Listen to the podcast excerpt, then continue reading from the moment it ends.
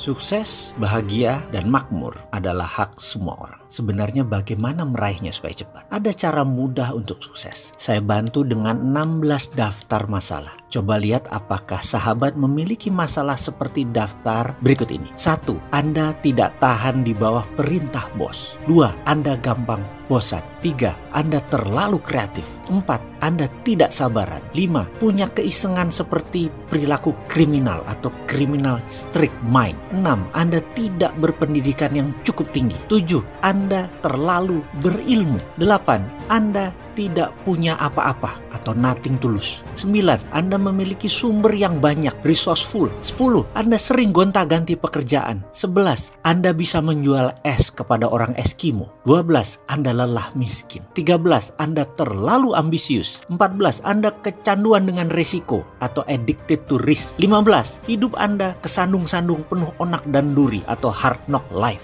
16 yang terakhir Anda tidak punya pilihan, has no other choice. Ini adalah masalah terbanyak di awal siapa saja yang ingin sukses. Jika Anda memiliki satu atau lebih masalah dari daftar tadi, artinya kehidupan Anda saat ini bermasalah dan harus segera diubah. Inilah yang namanya compelling reason. Dalam compelling reason atau alasan untuk sukses, Anda tidak perlu memiliki beberapa atau banyak alasan seperti yang tadi disebutkan. Cukup punya satu di antara 16 masalah tadi, Anda memiliki cukup alasan untuk sukses. Sekali lagi, punya satu saja dari 16 masalah tadi, Anda sudah cukup alasan untuk ngamuk. Itulah bahan bakar utama Anda melangkah dan menjadi sukses. Setelah punya hal tadi, apa langkah berikutnya? Sabar ya, ini rahasianya akan dibuka setelah video ini. Pertanyaannya benar butuh nggak? Sekarang kita cek ulang masalah Anda. Ada nggak satu atau lebih dari 16 masalah tersebut pada diri Anda? Setelah itu kita ngamuk bersama untuk sukses bersama karena Anda layak untuk sukses.